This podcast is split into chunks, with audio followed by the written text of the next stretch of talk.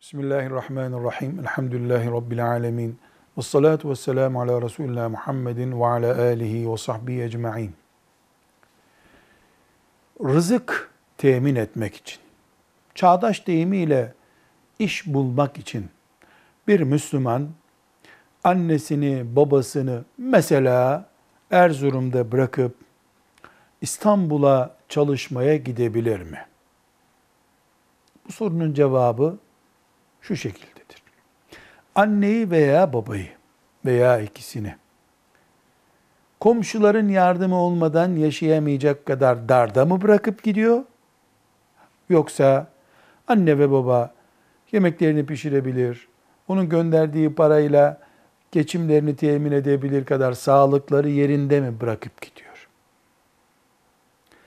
Eğer anneyi ve babayı başka bir kardeşine veya kendi sağlıklarına güvenip bir şekilde bırakıp gitmiyorsa onların yanı başından ayrılması caiz değildir. Hayır. Anne ve baba kendi hacetlerini görebiliyorlar. Ya da abla, kardeş veya annenin babanın abilerinden biri onların ihtiyaçlarını görebiliyorlarsa yani anne ve baba zorda kalmayacaksa gurbete, İstanbul'a, Avrupa'ya, Afrika'ya, uzak bir diyara çalışmak için gitmek hiçbir şekilde günah değildir, caizdir. Ashab-ı kiramın büyük bölümü uzun dönemler için gurbetlere gittiler.